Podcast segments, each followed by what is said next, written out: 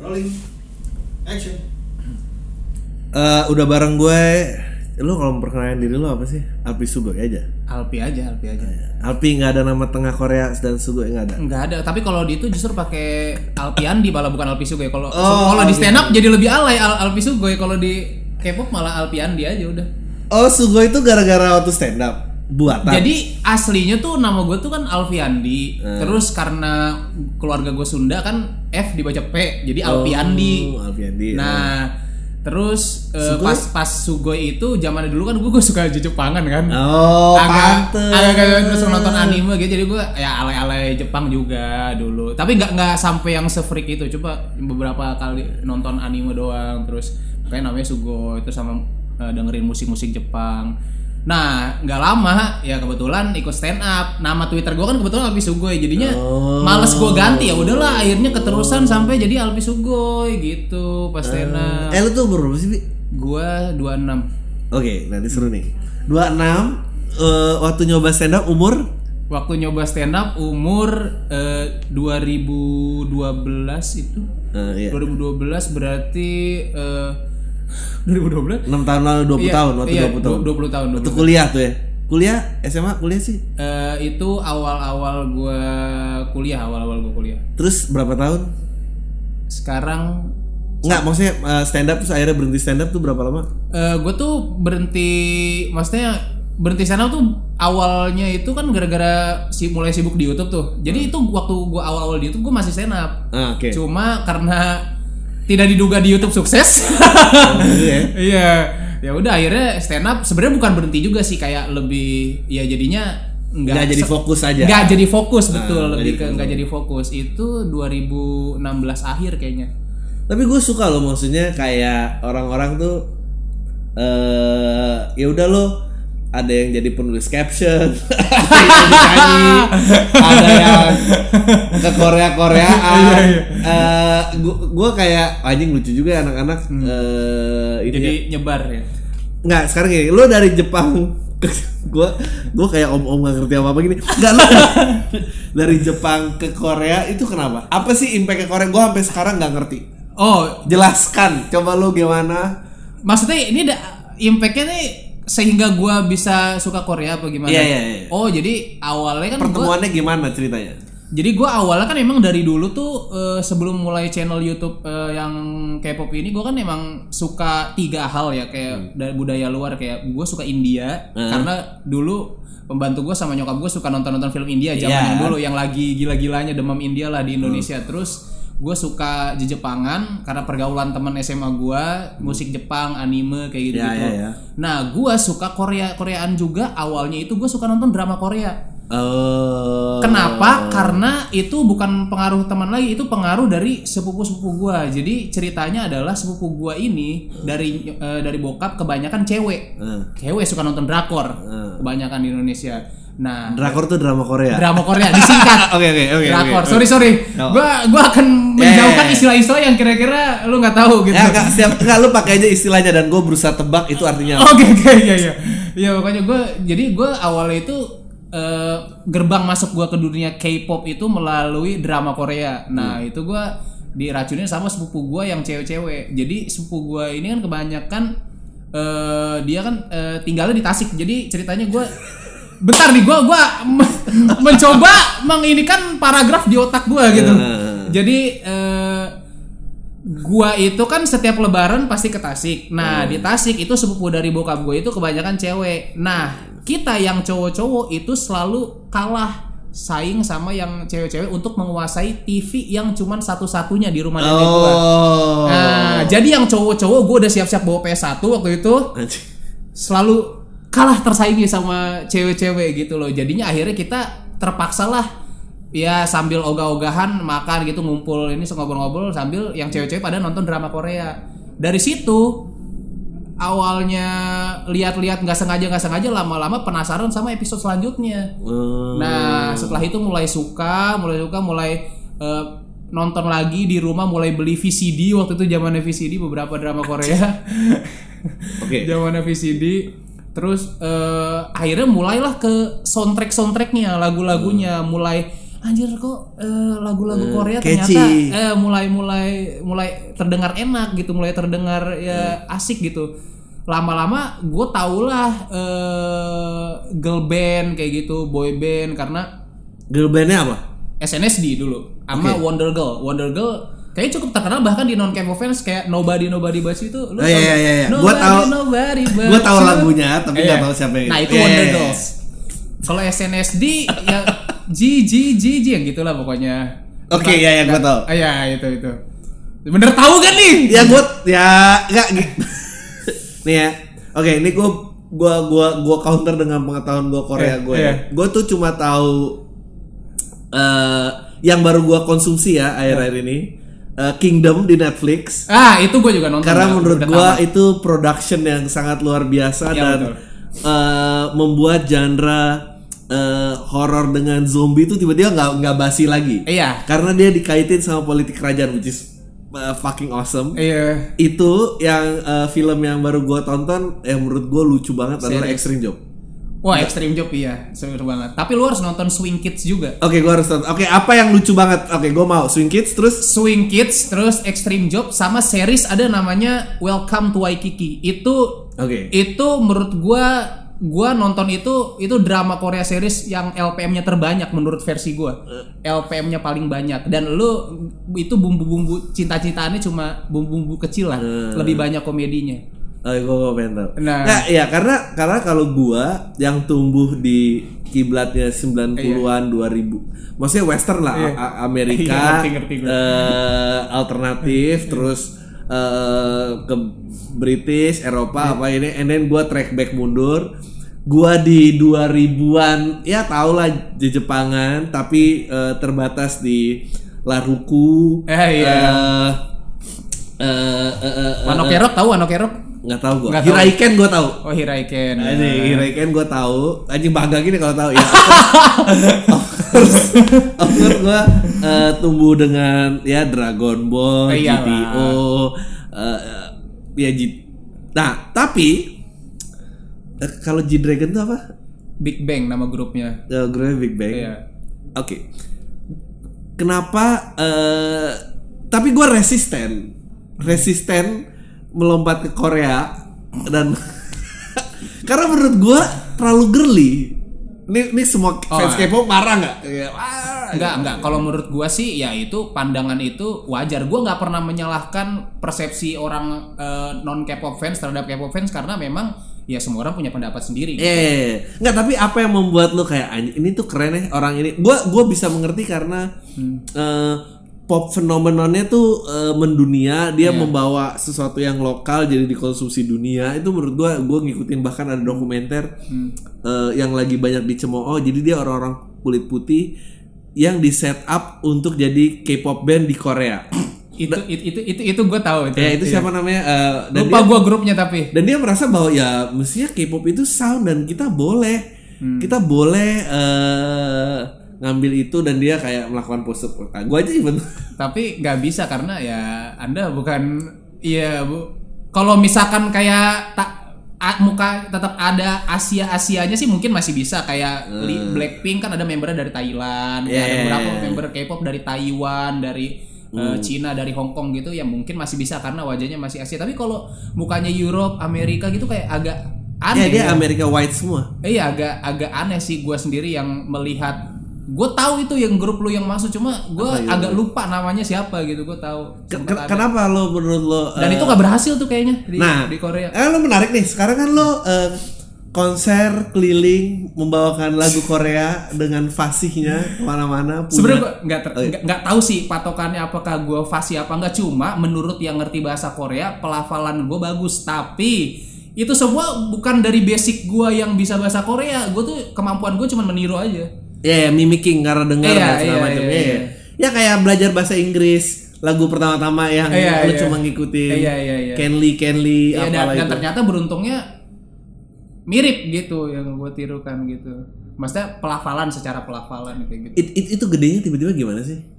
Tiba-tiba lu gede di situ tuh gimana sih?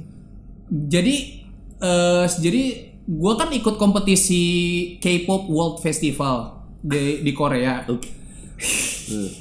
Wah, ini ini ini juga gua nggak tahu kenapa gua di sana. Gua masih menganggap sampai sekarang bahwa gua di sana tuh beruntung. Karena di sana tuh sebenarnya kompetisinya itu kan kita melawan 13 negara Indonesia. Eh, Dan itu tuh vokalnya itu sama kategori dance itu dipisah. Jadi ada kategori dance ada kategori vokal. Nah kategori vokal itu lawannya kayak ada Singapura Madagaskar Peru Turki kayak gitu-gitu. Dan itu semuanya ya nyanyi K-pop itu dan gue sampai sekarang kayak ah gila gue beruntung banget bisa menang nah gue juga nggak tahu kan kenapa bisa menang nah menurut gue gue meledaknya karena waktu itu kan setiap pembagian kategori pemenang. Jadi pemenangnya itu ada beberapa kategori. Jadi ada kategori pilihan eh, sosmed, ada kategori best vokal, ada kategori best dance dan juga ada kategori tertinggi namanya desang. Desang ini juara umum lah istilahnya. Hmm. Nah, gua dapat juara umum Oh. kategori tertingginya gitu. Eh. Udah dari situ mulai naiklah nama gua karena berit akun-akun portal-portal berita K-pop di Instagram Eh. itu banyak banget di Indonesia.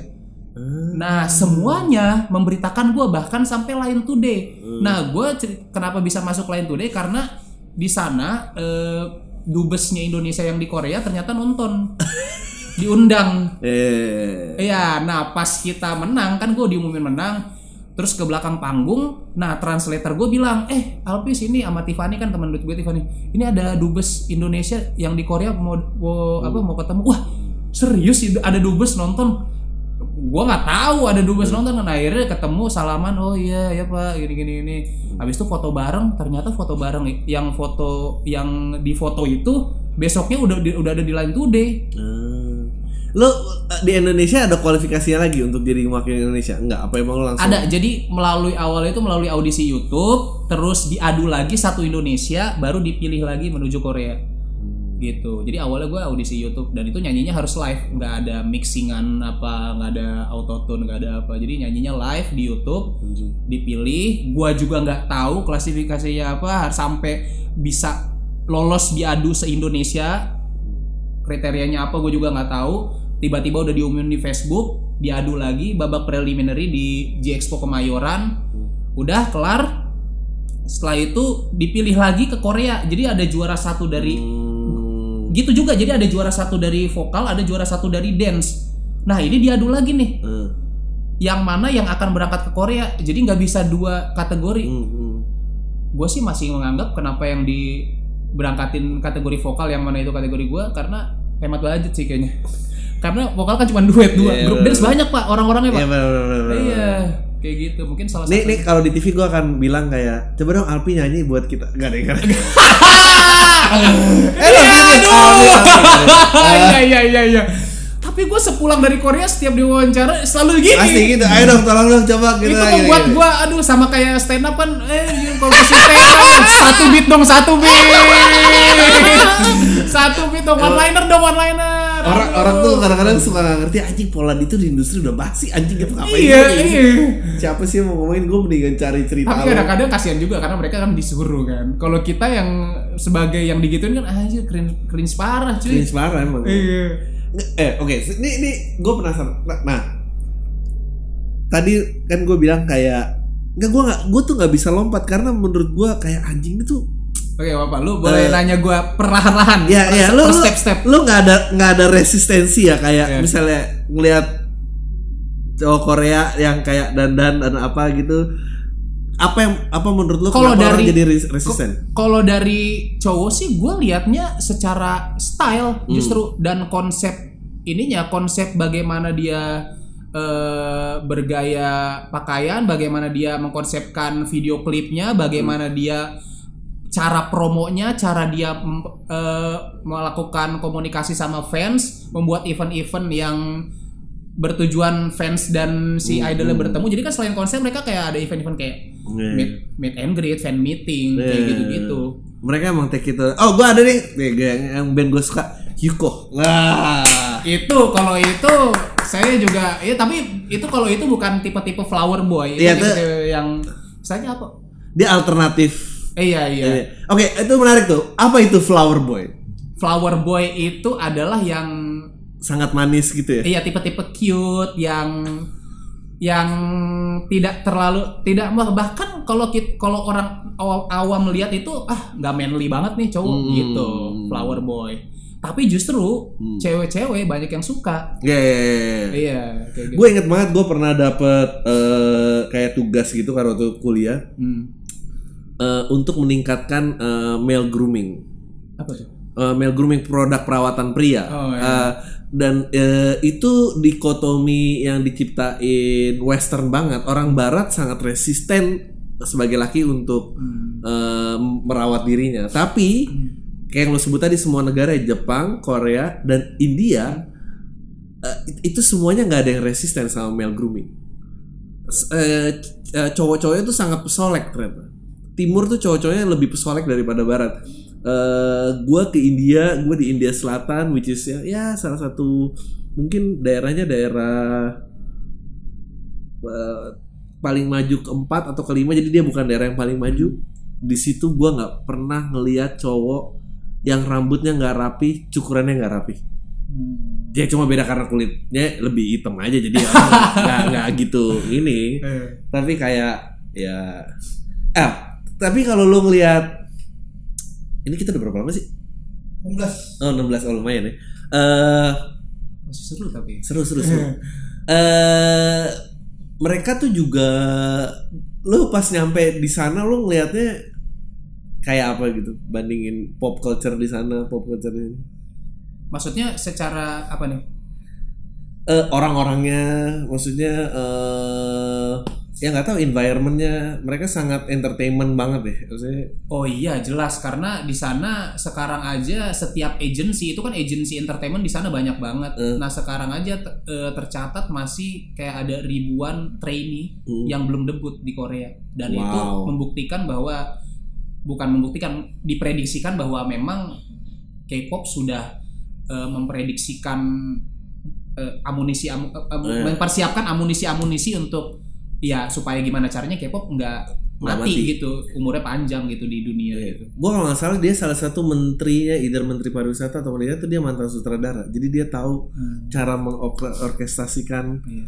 eh, negaranya untuk eh ya, maksudnya Bahkan K-pop pun sekarang jadi salah satu destinasi pariwisata makanya di Korea eh, kan. Orang-orang kalau kita kan destinasi wis- wisata kan ya tempat wisata, makanan. Kalau di sana K-pop termasuk salah satu kalau di Korea. anjing aneh banget ya. Pantes ya abis itu ya selamat tinggal lah stand up ya gitu.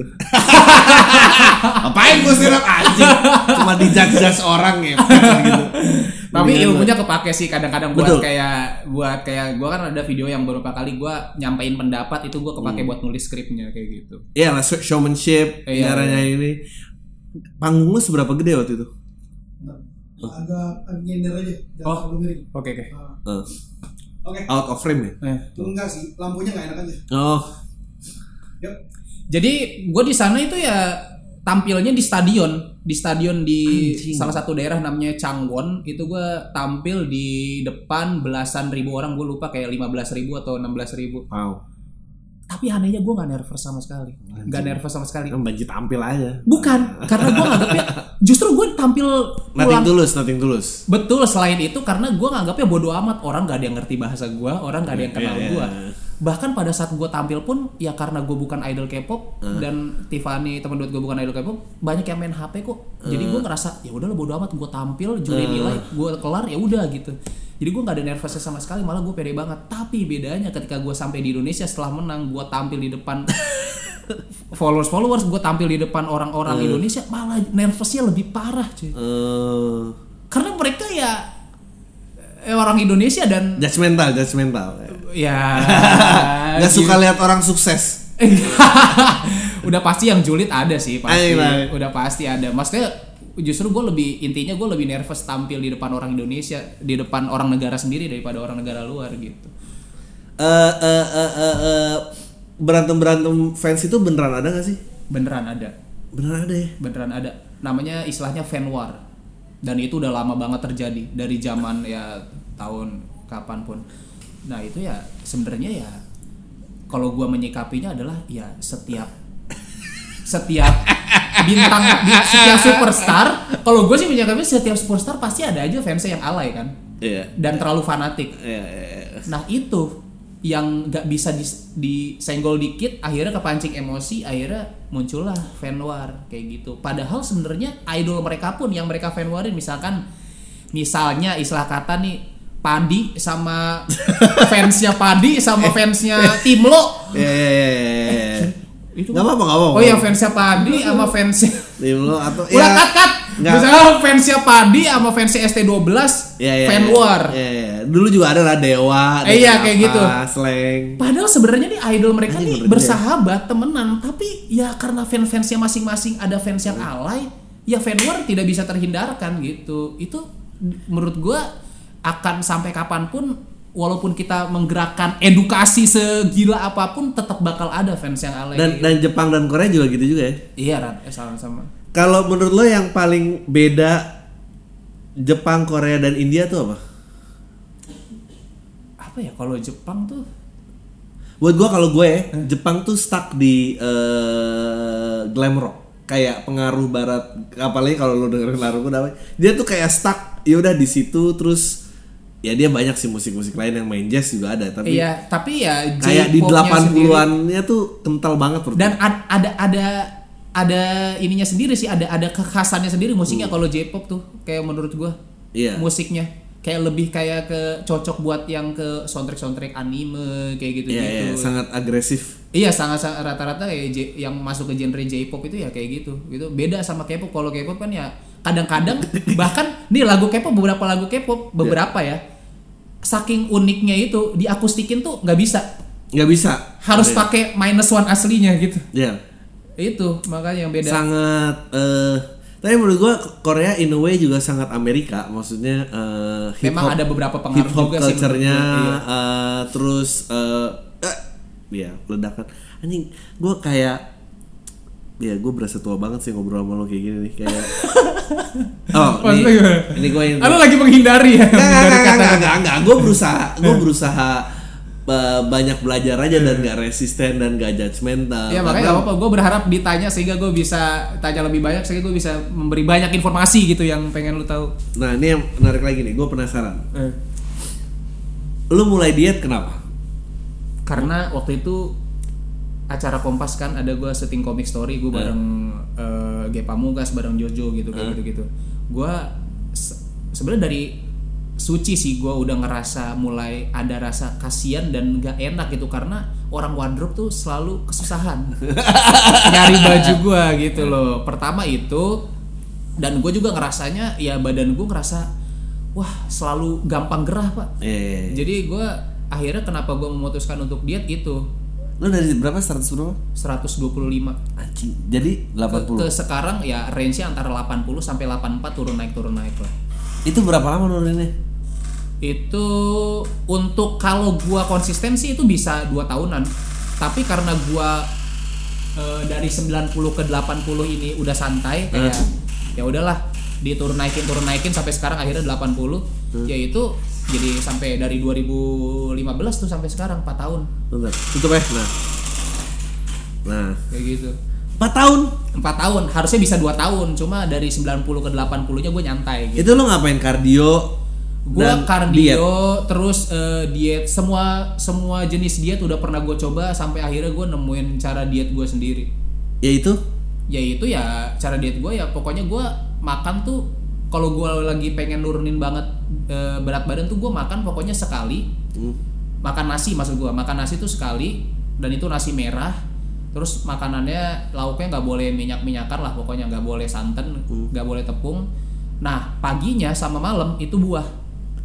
Ah. gitu. Jadi makan cuma siang doang pagi sama malam buah. Udah karena buah itu katanya sih bagus buat detox katanya. Lo lo lo sempat sampai depres gak? Pada saat gemuk. Gue maksudnya depres gimana? Depresi maksudnya lu nggak gampang happy, lu down, lu Oh iya, eh, iya, gue pernah dulu kayak lagi awal-awal pertama kali diet tuh gue ngedrop badan gue hmm. karena belum terbiasa kan jadi awalnya dari makan tiga kali dan itu porsinya biasanya nambah tiba-tiba kayak kecuman kedua kali dan itu porsinya setengah setengah porsi. Langsung deh langsung ngedrop badan gue Jadi dari konten YouTube lo diet dan Korea Koreaan itu mana yang lebih besar. Nah, ya jelas Korea Koreaan karena kan Oh. dia gue belum tahu karena dia tuh gue baru bikin dua konten, Oh, baru bikin baru konten. dua konten dan ternyata view-nya banyak juga gitu loh. Banyak lah pasti. Iya. Sama yang kurus banyak anjing gua aja nggak kurus-kurus bangsa. yang ada gua kayak makin perlahan-lahan. Gue tuh cuma memperlambat naik aja, mati udah pasti naik tapi ya Iya. gitulah. Ah, lu 4 tahun kalau lu kalau lu tapi lu pada saat gemuk lu nggak pernah kayak depresi, lu pernah Oh iya, gue depresinya paling karena itu karena setiap gue ke mall gue tahu. ke mall nggak bisa pakai baju lagi Taiwan. iya bener. Bangsat. Enggak, gue gua ke mall nggak nggak nggak bakal bisa masuk ke kayak H&M, kayak Zara gitu gue gak bakal bisa. Karena dulu kan baju gue triple XL malah. Jadi gue Fat shaming nggak? Fat shaming diri sendiri nggak? Iya kadang-kadang kadang-kadang malah gue dalam hati gue lu nggak nggak ada yang menyediakan gitu triple XL gitu gue ke mall tuh kayak kalau nggak nemu baju triple XL tuh gue kayak kecewa kayaknya aduh gimana sih nih mall nggak ada baju triple XL kayak gitu gitu Nah, tapi kan eh, berarti kan tapi lu setelah kurus ya dan lu ke ke Korea gitu ya. Lu lihat culture plastic surgery-nya shock nggak? Apa yaudah biasa aja? Sebenarnya menurut gue ya plastik surgery ya ya itu tergantung orangnya masing-masing sih ya. Maksudnya itu budaya udah jadi budaya cuy di Korea Iya, gitu ya. Gue menganggap bahwa itu ya ya udah dia yang punya duit gitu serah dia lah.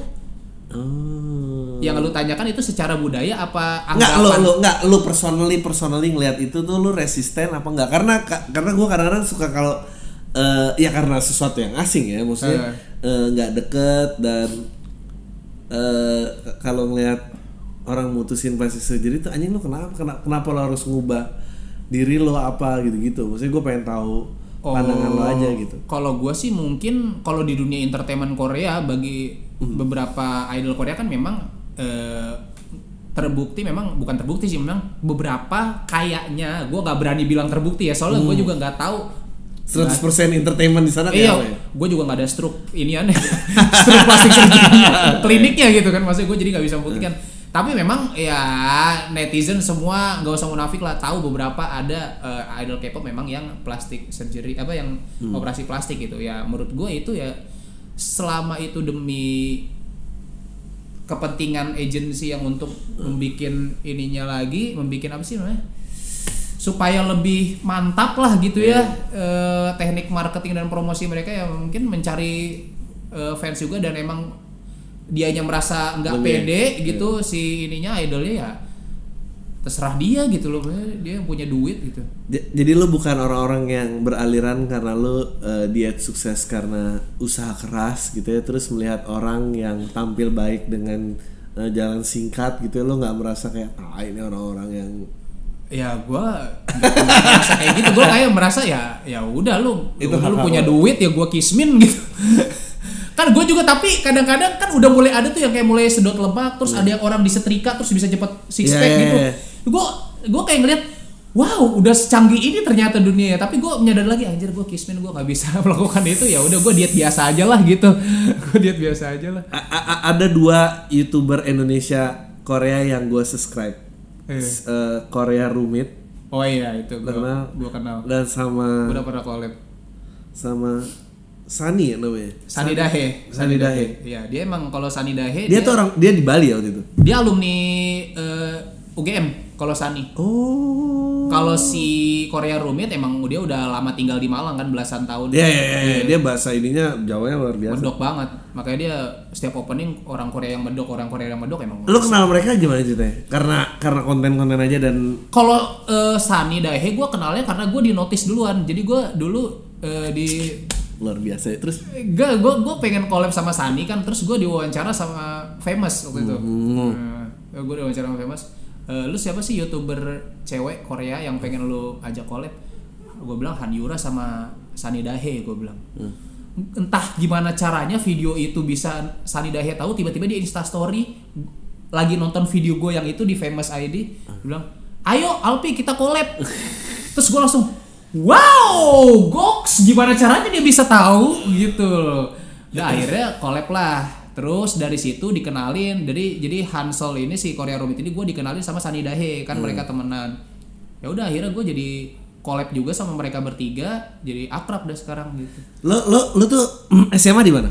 gue SMA di Di Jakarta apa enggak di Jakarta? di Jakarta Selatan Madrasah Aliyah Lo lo tapi lo lahir besar di Jakarta. Jakarta Lahir besar di Jakarta. Iya. Kuliah di kuliah di Jakarta kuliah di Jakarta. Buat gue ini ini, ini generation gap juga nih. Gue tuh ngerasa bahwa gue kira dulu pergaulan gue luas. Ternyata enggak gitu. Ternyata kayak anjing sempit banget ya gitu Jak- Jakarta Selatan Jakarta Selatan aja dan eh stand up tuh salah satu platform yang membuat gue banyak kenal orang Iya, dari betul. banyak sisi yang berbeda-beda. Oh, lo kira semua orang dalam status ekonomi yang sama, bla bla bla. oh, ternyata anjing orang tuh beda-beda ya gitu. Eh, beda beda eh gue sering bilang kalau lagi kemarin sama Patrick, gue tuh ngerasa suka ngerasa oh ternyata hidup gue tuh nggak susah banget gue kebanyakan main sama orang kaya aja gitu. Iya. jadi gue gue salah nah lu pernah ngelihat ke belakang gak sih hidup lu kayak lu nyangka nggak hidup lu ada di titik yang sekarang kagak gue orangnya tipenya ngalir aja ngalir aja Eh, iya ngalir aja. Jadi kalau gue sekarang ya yang gue yang kayak sekarang ya gue jelas mensyukuri. Tapi kalau gue ngeliat ke belakang ya ada rasa gak nyangka. Tapi oh ya udahlah emang ya ini kan gue sekarang karena ya gue melakukan pro- prosesnya gitu. Gue ngejalanin prosesnya dan ya udah memang karena prosesnya gue jalin dengan benar makanya gue dapetin apa yang sekarang gue dapetin kayak gitu. lu ngerasa em, fame ngerubah lo gak? Kalau secara jadi star syndrome sih kayaknya nggak terlalu ya soalnya tapi nggak tahu sih gue nggak belum mengkonfirm konfirm teman gue eh gue sombong nggak? Gue belum belum kayak gitu lo lo reuni di madrasah apa tadi? Alawiyah? Alia tapi gue gue sempet eh, dihubungi sama teman-teman lama gue tuh bukan lama ini ini lucu nih. Bu, gue dihubungi sama teman-teman lama gue tuh bukan karena eh, mereka eh, rindu gitu. Heeh. tapi karena apa? Karena minta tolong sama gue buat eh, entah saudaranya entah temennya entah ponakannya itu ada yang suka K-pop dan ngefans sama gue anjing lucu banget. Dan minta video gua ngucapin ultah lah, minta video gua apa sih say hi lah kayak gitu. Coba untuk kayak gitu, pas gua ya lu kagak ada bahasa basinya gitu. nah itu dulu gak akan mau gue sekarang teh ada beberapa yang kayak gitu ya enggak. ada beberapa yang enggak akrab. Malah ada waktu zaman-zaman gua gendut kan dulu gua agak ya gua sering dipalakin gitu-gitu. anjing juga. sedih banget terus Ya itu kakak kelas gua itu deh. ya udah. Sekarang eh, ada beberapa yang ngubungin kayak eh Pi, boleh minta tolong nggak? Ini ponakan gua fans sama lu. Anjing, lucu banget Kayak lu gak pendendam orangnya Vi Pendendam sih mungkin Ada ada, sedikit. ya? Gua nggak munafik pasti ada sedikit cuma ketika gua sekarang gua lihat lu butuh gua ya udah berarti Eh, udah usah ya abis Iya, ya sekarang lu yang butuh gua kan gitu. Banget.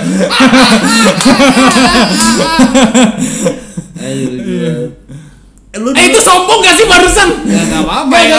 Jangan jangan jangan jangan.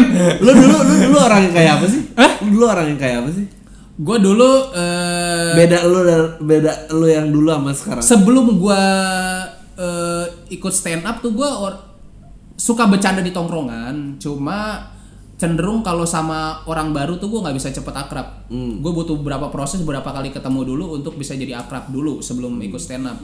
Makanya stand up juga salah satu Mengubah. bisa ngerubah ini gue banget sih sifat gue gue dulu agak introvert. Hmm. Lebih kayak jarang keluar. Tapi kalau jarang keluar sih sampai sekarang juga masih sih. Cuma lebih kayak pergaulan ke teman yang sekarang lebih apa sih lebih gampang berbaur lah gitu sama orang-orang baru gara-gara stand up gitu. dulu apa yang bikin gak gampang berbaur? Ya karena gue merasa nggak pede. Gue tuh dulu ah gue gue ada fotonya gue dulu lu kalau ngeliat penampakan gue ya gue pernah lihat lu ya ah zaman ada ada di Instagram lo pokoknya eh gue di Instagram maksudnya kan kita sering lihat open mic hang lekir lo mas lu masih segede Ya gue begitu, ya gendut. Dulu gue waktu SMP pendek, jadi gue tuh tinggi baru SMA doang. Jadi gue penampakannya lo lihat ya hang lekir tapi versi lebih pendeknya, Anjing, 10 cm. Gue tinggi gara-gara basket doang dulu SMA. Hmm. Udah gitu, makanya gue kayak merasa nggak pede gitu, apalagi kalau ya di, di SMP ya teman-teman gue itu udah mulai ada, madrasah pun gue kira di SMP doang di yang kayak di sinetron gitu kayak ada pergaulan-pergaulan yang cowok-cowok keren gitu nongkrong sama cewek-cewek cakep. Ternyata di sekolah gue ada juga cuy. Dan itu yang membuat gue gak bisa bergabung sama mereka. Gue kira di sinetron tuh ah cuma sinetron doang ya dan geng-gengan cewek ganteng eh ce- cewek cantik cowok ganteng ternyata di sekolah gue ada. Bahkan madrasah ya. bahkan madrasah. Yang, yang sekolah Islam sekalipun gue gak nyangka loh itu Ayo lucu banget. Eh, Da- makanya itu yang membuat gue introvert adalah ya gue ngumpulnya sama yang cupu-cupu juga gitu anjir sialan eh, keinginan stand up waktu itu pertama kenapa? karena memang gue suka bercanda di tongkrongan Oh, Oke. itu Nah, jadi lu bukan nggak sepenuhnya tipe yang cupu dan dibully ya? enggak jadi gue tuh bukan bukan bukan bukan di bukan gue kayak terkesan ini banget ya parah banget enggak maksud cupu bukan cupu sih lebih kayak dibully paling cuma nama kakak kelas kayak gitu kayak gitu. Sama teman kelas kayak lebih ya di enggak bukan dibully sih kayak cuman di ceng-cengin kayak gitu nggak pernah sampai sampai nangis juga enggak karena gue gendut gue malu kalau nangis gitu. Dah. Ya gue introvertnya leb- lebih kayak ya apa ya susah jelasinnya sih ya Eh ini udah berapa menit? Bang? Eh, 36 Oh ini boy, yang 40 lah. tadi pertanyaan lo apa lupa gue Nggak, maksudnya eh sebetulnya gue pengen nanya ini sih karena menarik karena menurut gue ada oh, jadi gue sosok menarik gue Oh. mau jual konten sendiri apa? iya itu tadi kenapa di, di tongkrongan ya orang yang kayak apa? iya gue di tongkrongan ya suka bercanda-bercanda tapi ya sama yang akrab-akrab aja gitu jadi gue bercandanya tuh gue di bagi orang-orang yang eh, nggak terlalu akrab ya gue introvert. Tapi bagi orang yang udah akrab banget justru gue akan lebih Hmm. akan lebih gila lah istilahnya gitu. Gitu gua. Makanya makanya kakak kelas yang dulu malak-malakin gua tuh ya karena melihatnya gua dari dari jauh, jauh. dari kacamata mereka cupu gitu. Tapi anehnya mempan terpalak gitu terpalak. gue gue ini tuh gue selalu penasaran gitu kayak lu lebih banyak yang ngubah mindset lo itu eh, stand up apa setelah jadi kurus? Pola pikir lo berubah. Lu menjadi diri lo yang sekarang gitu. Karena menurut gue sekarang lo sangat confidence iya. eh ya sangat confident lah. Lu gua nggak bisa pakai tujuh tahun yang lalu gua kenal lo sekarang gitu. Iya, lo iya. orang yang berbeda dan orang pasti banyak yang kayak ah api mah sombong sekarang. Jangan dong eh enggak enggak saya tidak sombong eh.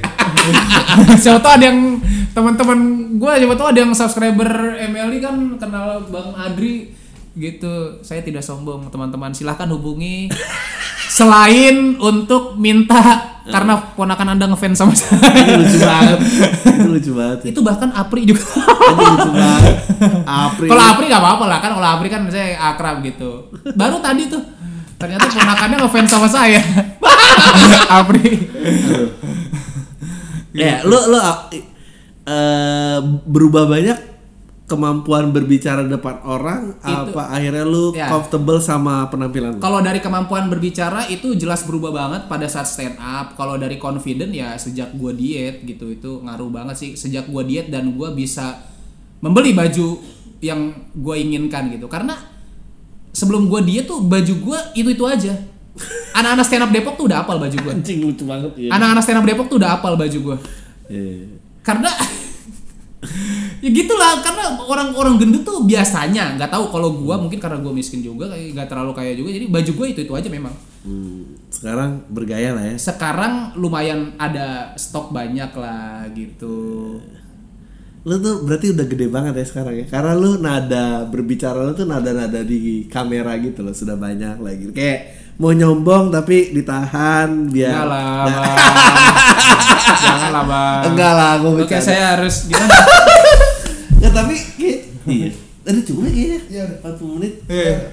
Eh thank you banget Dewi. Eh Iya, iya. gue seneng banget belajar banyak Korea Koreaan. Iya, iya. So, ya udah itu aja. thank you, thank you. Tai lu semua deh. Mari Pak.